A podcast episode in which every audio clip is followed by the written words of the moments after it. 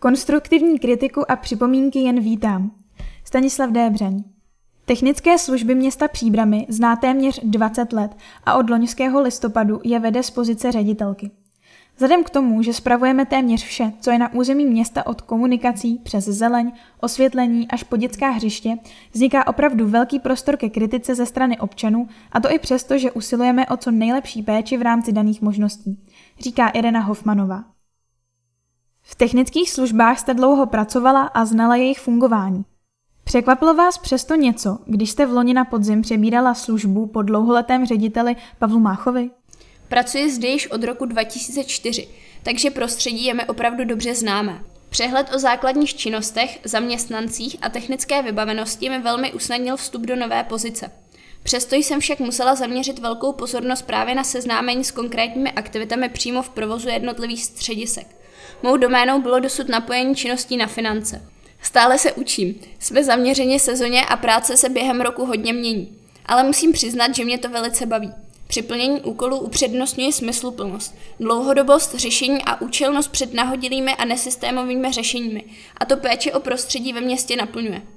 Většina věcí je hned vidět a dlouhodobě zlepšuje kvalitu života ve městě. Do funkce jste se dostala v čase, kdy bezprecedentně rostly náklady energií a dalších vstupů v době vysoké inflace a všeobecného tlaku na zvyšování mest. Jaké byly a vlastně ještě jsou ty první dny? První dny ve funkci byly velmi náročné, což plynulo zejména ze skutečnosti, že jsem současně předávala pozici ekonoma a přebírala pozici ředitele organizace.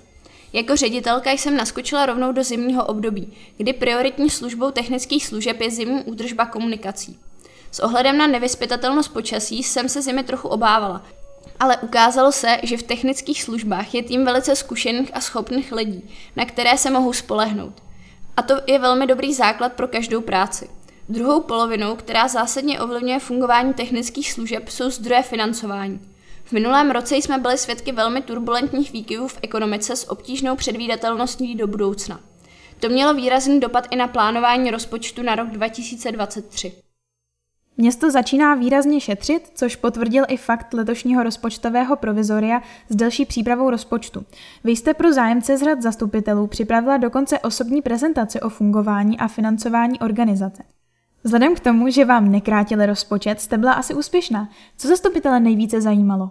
Ano, do nového roku jsme vstupovali v rozpočtovém provizoriu s vysokou mírou inflace, která se promítla do výrazného nárůstu cen materiálů a služeb a ohromným nárůstem výdajů za energie. Před samotným schválením rozpočtu zastupiteli probíhá vždy několik jednání s vedením města a ekonomickým odborem. Na němž se podrobně rozebírají důvody navýšení požadovaného příspěvku. V rámci těchto prvotních jednání byl náš rozpočet pokrácen o 10% a ke schválení zastupitelstvu šel již upraven návrh. Takže se nedá říci, že se rozpočet nekrátil. V rámci jednání zastupitelstva bylo bohužel navrženo další krácení rozpočtu o dalších 6 milionů korun, které naštěstí nebylo schváleno. Pro zastupitele je jistě obtížné rozhodovat o velkém balíčku peněz bez podrobnějších informací o jeho skladbě. Proto bylo mým cílem seznámit zastupitele s jednotlivými rozpočtovými položkami, aby jejich rozhodování bylo jednodušší. Zastupitelé pak byli někdy až překvapeni, jak široké portfolio služeb technické služby zajišťují a co se skrývá za některými položkami. Shodli jsme se na tom, že nás toto setkání vzájemně obohatilo – do budoucna chceme ve vzájemném setkávání pokračovat a debatovat o rozsahu a formě prioritních úkolů pro technické služby v návaznosti na objem schválených finančních prostředků. Už teď však víme, že se budeme pohybovat spíše v úrovni řešení havarijních stavů či udržování dosavadního stavu. Se zásadním rozvojem s těmito prostředky zatím nelze počítat.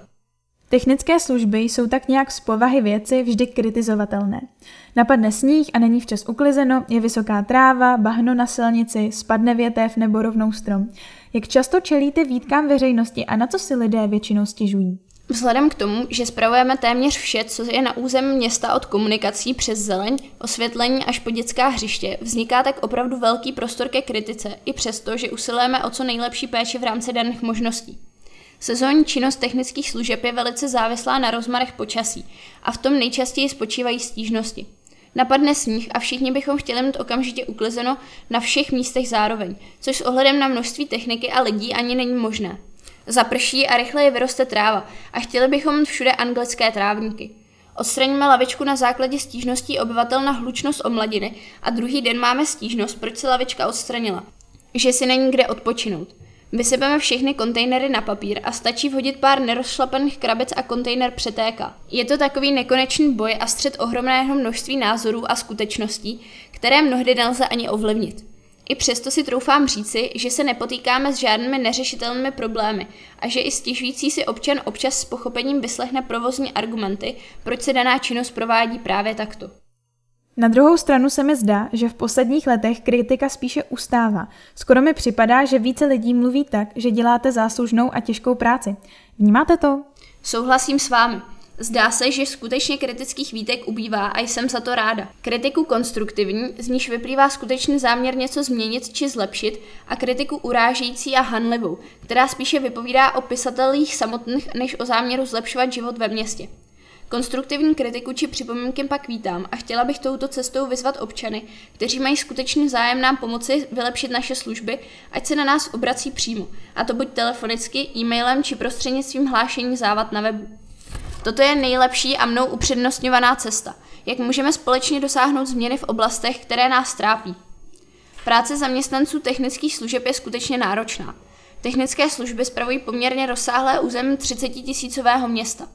V našem případě platí, že pracujeme za každého počasí, ať již je venku tropická teplota, déšť nebo sníh. V tom naše lidi skutečně obdivuji, s jakým nasazením čelí i těmto nepříznivým vlivům a je na místě jim za to vyjádřit poděkování. Řadoví zaměstnanci technických služeb nejsou nijak zvlášť dobře placeni. Kolik je dnes průměrná mzda lidí, kteří pracují přímo v ulicích, popelářů, čističů, pracovníků údržby zeleně a podobně? Bohužel otázka odměňování pracovníků technických služeb je skutečně oproti republikovému průměru na velmi nízké úrovni a ani postupné zákonné navyšování platů nám neumožňuje zvyšovat konkurenceschopnost při náboru nových pracovníků. Průměrná mzda pracovníků údržby se pohybuje okolo 22 000 korun hrubého. Pracovníci s vyšší kvalifikací jako řidiči techniky a odborné profese jako elektrikáři mají po zapracování až 28 000 korun hrubého. Je to opravdu málo, zvláště uvědomíme-li si důležitost jejich práce, která se velmi často podceňuje. Jejich nepřítomnost v terénu pozná každý okamžitě, ať již se bude jednat o nevyvezený odpad, neposekanou trávu či rozbitou lavičku. Zároveň je ale velký podíl zaměstnanců technických služeb loajální. Jak dlouho lidé u vás obvykle vydrží? Loajalita některých zaměstnanců technických služeb je skutečně obdivohodná. Měli jsme tu lidi, kteří u technických služeb pracovali celý život. Nejdéle pracujícím v technických službách byl a stále je pan Bílek, bývalý vedoucí svozu odpadu, který nám dnes rozdává dobrou náladu na vrátnici. Ale i nyní zde máme několik pracovníků, kteří už u technických služeb oslaví více než 30 let. Těchto lidí si velice vážím. Jsou to lidé s dobrým srdcem a smyslem pro fair play a to už je dnes čím dál vzácnější. Já však věřím, že právě tito zaměstnance svým přístupem ostatní inspirují a podpoří vzájemnou soudržnost v rámci organizace. Už teď se však dá říci, že máme v technických službách tým opravdu dobrých a spolehlivých lidí. Na konci zimy se po městě opět kácely stromy, což vzbudilo vášně. Připomeňte prosím, za jakých okolností je možné odstraňovat zeleň na veřejném prostranství. Kácení stromů a jejich prořezávky patří k tradičním činnostem vykonávaným střediskem veřejná zeleň v době vegetačního klidu, tedy od listopadu do března. Mimo toto období není možné kácet, pouze pokud dřeviny svým stavem zřejmě a bezprostředně ohrožují život či zdraví občanů, nebo hrozí škodou značného rozsahu na majetku. Kácení a prořezávky v příbrami jsou prováděny v souladu se zpracovaným pasportem dřevin ve městě. Na pokácení dřevin je téměř ve všech případech potřeba povolení ke kácení, které vydává odbor životního prostředí a je muži třeba žádost o pokácení dřevin adresovat. Podrobný návod včetně formuláře žádosti lze najít na webových stránkách města, odboru životního prostředí ve složce ochrana přírody. Lidem rostou životní náklady, přitom se letos zdražil poplatek za popelnice. Bylo to z vašeho pohledu nutné? Žádost o povolení vždy zasílá vlastník či oprávněný uživatel pozemku, na němž dřeviny rostou. Jednáli se o dřeviny rostoucí na pozemcích města, je možné zasílat i podněty k pokácení přímo na technické služby nebo na odbor životního prostředí.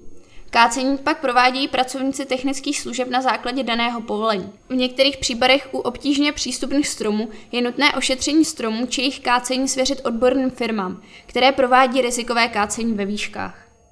Skutečnost je taková, že náklady na svoz a likvidaci odpadu neustále rostou a město Příbram poměrně zásadně tuto oblast dotuje ze svých prostředků. Cena za svoz odpadu, kterou občané platí, je pouze příspěvkem na zajištění kompletní služby.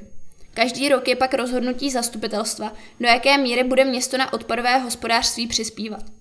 Za zásadní v tomto případě považuji skutečnost, že poplatek byl po několik let udržován ve stejné výši bez ohledu na rostoucí náklady.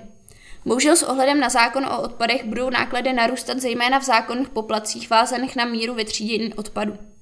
Lze očekávat každoroční zvyšování poplatku a je to logicky správné. Nedojde pak ke skokovému nárůstu poplatku jako v letošním roce.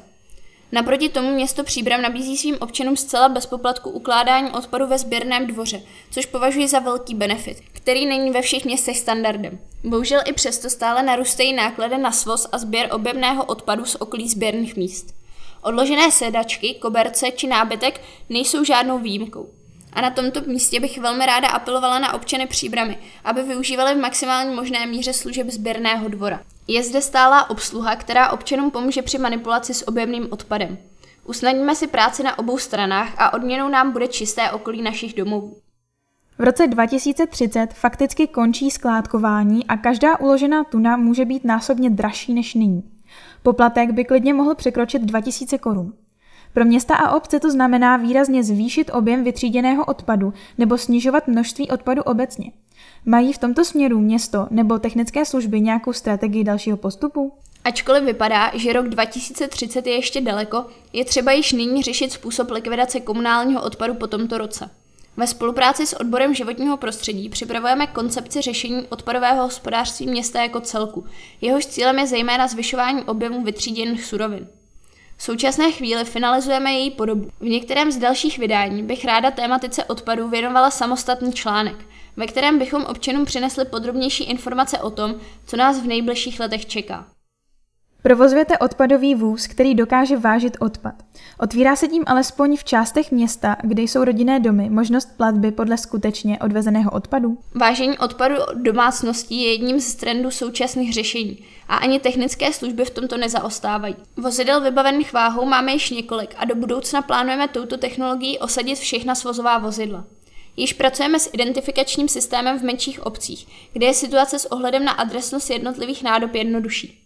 Vybavit tímto systémem, očipovat nádoby větší města, jako je Příbram, komplikuje fakt, že velká část obyvatel žije v bytových domech, kde budeme velmi obtížně identifikovat konkrétního původce odpadu. Zároveň vyhláška o schromažďování odpadu neumožňuje kombinaci poplatku za osobu a podle skutečně vyprodukovaného množství odpadu v rámci jedné obce.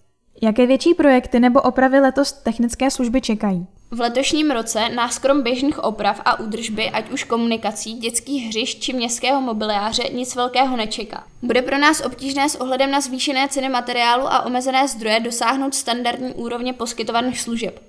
V této souvislosti bych ráda dodala, že to, v jakém prostředí žijeme, nezáleží výhradně na úrovni poskytovaných služeb technickými službami, ale především na vzájemné ohleduplnosti a vědomém přístupu každého z nás. Byla bych velmi ráda, kdyby do budoucna mohlo být cílem technických služeb zlepšování kvality života ve městě a nikoli jen hašení požárů plynoucích z nedisciplinovanosti a bezohlednosti některých z nás.